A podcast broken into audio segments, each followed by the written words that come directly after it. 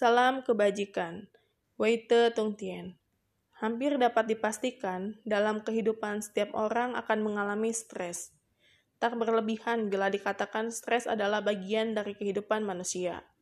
Dalam kehidupan dulu dan kehidupan sekarang, tentu saja terjadi perbedaan penyebab dan tingkat stres. Karena kehidupan mengikuti hukum perubahan tiada henti. Kehidupan telah berkembang sedemikian rupa menjadi lebih kompleks.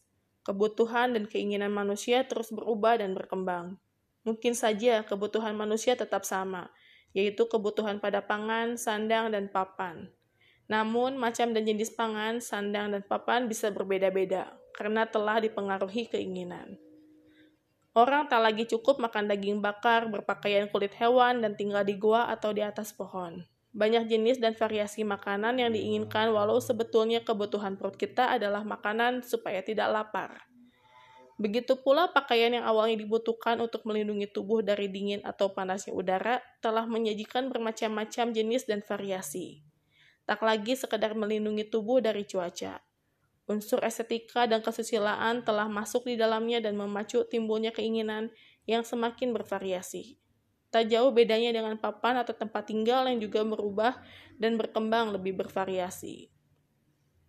Dengan semakin berkembangnya peradaban, kebutuhan pun berkembang. Misalnya, timbul alat, alat transportasi, pekerjaan, pengakuan, dan lain-lain bukan lagi hanya menyangkut hal-hal material, tapi juga imaterial. Bukan lagi sekedar yang kasat mata, tapi juga tidak kasat mata, dengan jenis dan variasi yang semakin banyak. Persoalan yang timbul adalah acap kali antara harapan dan kenyataan tidaklah sama, dan terjadi kesenjangan. Saat kenyataan melebihi atau sama dengan harapan, orang merasa puas dan tidak merasa stres. Saat kenyataan tidak sesuai harapan, timbullah stres. Stres tidaklah buruk, bahkan baik dan saat kita dapat mengelola dengan baik. Dengan stres yang terkelola dengan baik, kita akan bergerak maju. Saat stres tak terkelola dengan baik, timbullah problem fisik dan psikis. Depresi akan timbul saat stres tak lagi terkendali. Dalam kondisi depresi, kita tak lagi mampu mengontrol diri.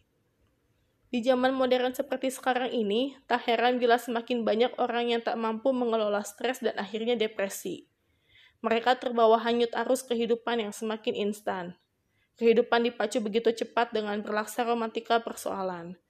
Semakin banyaknya pilihan yang ditawarkan dalam menjalani hidup membawa persoalan serius bagi kita, manusia. Pilihan kita adalah apakah kita terbawa arus kehidupan seperti ikan mati yang terbawa arus sungai, ataukah kita menjalani kehidupan menentang arus atau menelusuri arus seperti ikan hidup yang berjuang untuk hidup di sungai-sungai? Kita siogianya memelihara hati kita agar tetap tengah tepat, tak terbawa arus dan mampu mengelola stres. Mengce memberikan tips pada kita untuk memelihara hati yang dapat kita baca dalam Mengce 7b ayat 35. Untuk memelihara, memelihara hati, tiada yang lebih baik daripada mengurangi keinginan. Kalau orang dapat mengurangi keinginan, meskipun ada kalanya tidak dapat menahannya, niscaya tidak seberapa mengurangi keinginan agar tidak melindas diri dan kita bukan berarti kita tidak punya keinginan. Tapi kita mesti tahu batas saat kapan kita harus terus, saat kapan kita harus mengendorkan langkah, dan saat kapan kita harus mundur melakukan pemeriksaan diri sebelum meneruskan kehidupan dalam hati yang lebih tertata. Dengan cara itulah kita tidak terhanyut.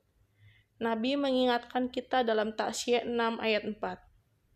Harta benda dapat menghias rumah, laku bajik menghias diri.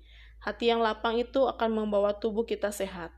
Maka seorang cincin mengimankan tekadnya.